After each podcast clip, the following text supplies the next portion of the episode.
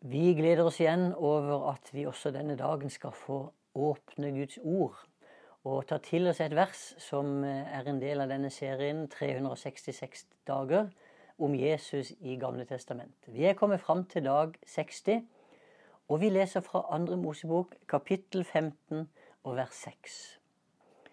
Herre, din høyre hånd er herlig i makt. Din høyre hånd knuser fiender, Herre. I dag så er tittelen på andakten 'Din høyre hånd'. Gud lar ofte sin makt og kraft komme til uttrykk gjennom hendene sine. Da han skapte verden, så brukte han hendene sammen med det ordet som han talte. Det står at Herren forma Adam av støv fra jorden. Og hos profeten Jesaja så er det jo åpenbart at Herrens hånd var aktiv under hele skapelsen av både jorda og himmelen. Det står i Jesaja 48.: Ja, min hånd har grunnlagt jorden, min høyre hånd har bredt himmelen ut. Jeg kalte dem fram, og sammen sto de der. Og den enorme muligheten som ligger i Guds hender, det er jo også et tegn på hans allmakt. Og det brukes veldig sterke ord i Bibelen for å beskrive dette, sånn som f.eks. vi kan lese i Isaiah 40. Der står det Hvem har målt havet med sin hule hånd, og himmelen med utspente fingre? Gud er uendelig, og det samme er hendene hans. Ja, Guds hender de er jo større enn alt annet som finnes i hele verden. Alt vann som finnes på jordkloden, få, kan få plass i Guds hånd. Og eh, Gud han kan altså holde hele himmelrommet med alle stjerner og alt samla i sine utspente fingre. Og det er jo vanskelig for oss mennesker å fatte og begripe hvor stor Guds allmakt faktisk er. La oss ta et lite eksempel med noen ting som er litt nært for oss, i alle fall. Tenk deg et romskip som kjører 40 000 km i timen. Vet du hvor lang tid det trenger for å komme til sola? 150 dager.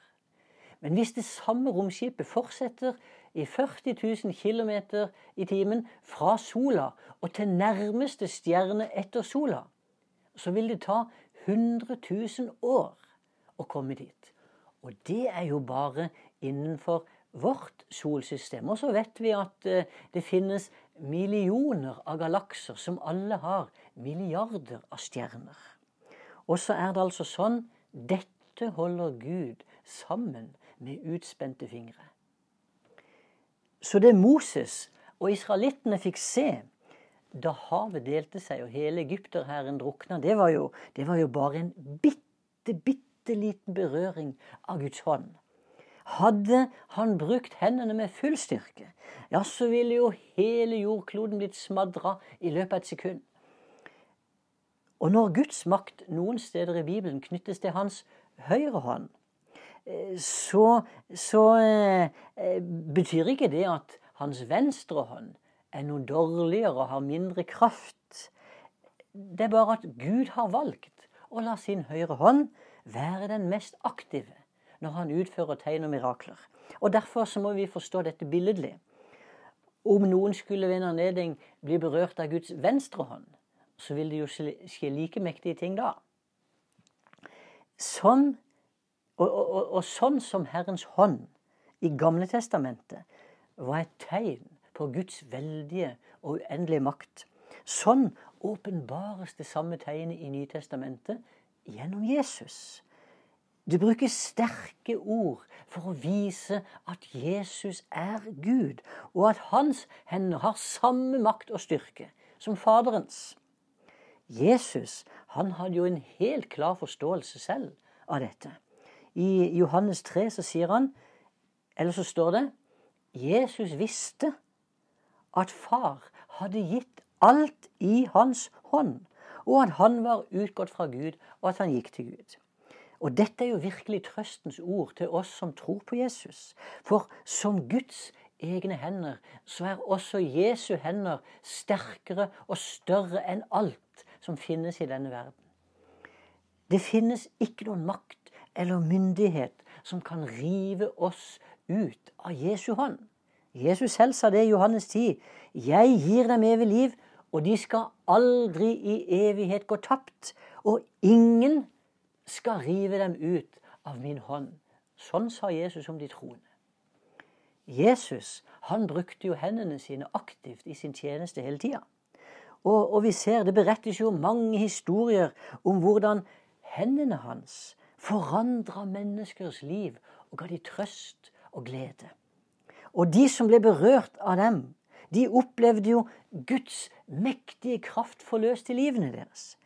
Jesus han brukte noen ganger hendene for å gi Guds velsignelse. Da noen mødre kom til Jesus med barna, så står det at Jesus tok dem inn til seg, la hendene på dem og velsignet dem. Og ved flere andre anledninger så står det at Jesus la hendene på de syke. Og den første menigheten de hadde jo forstått betydningen av Guds hender og av Jesu hender. Og derfor ba de i apostlenes gjerninger fire rekk ut din hånd så det skjer helbredelser og tegn og under ved din tjener Jesu navn.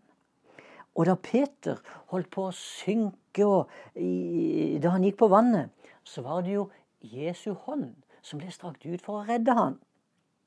Jesus han bruker også hånda aktivt når han vil inn i menneskers liv. Det står han står for døren og banker.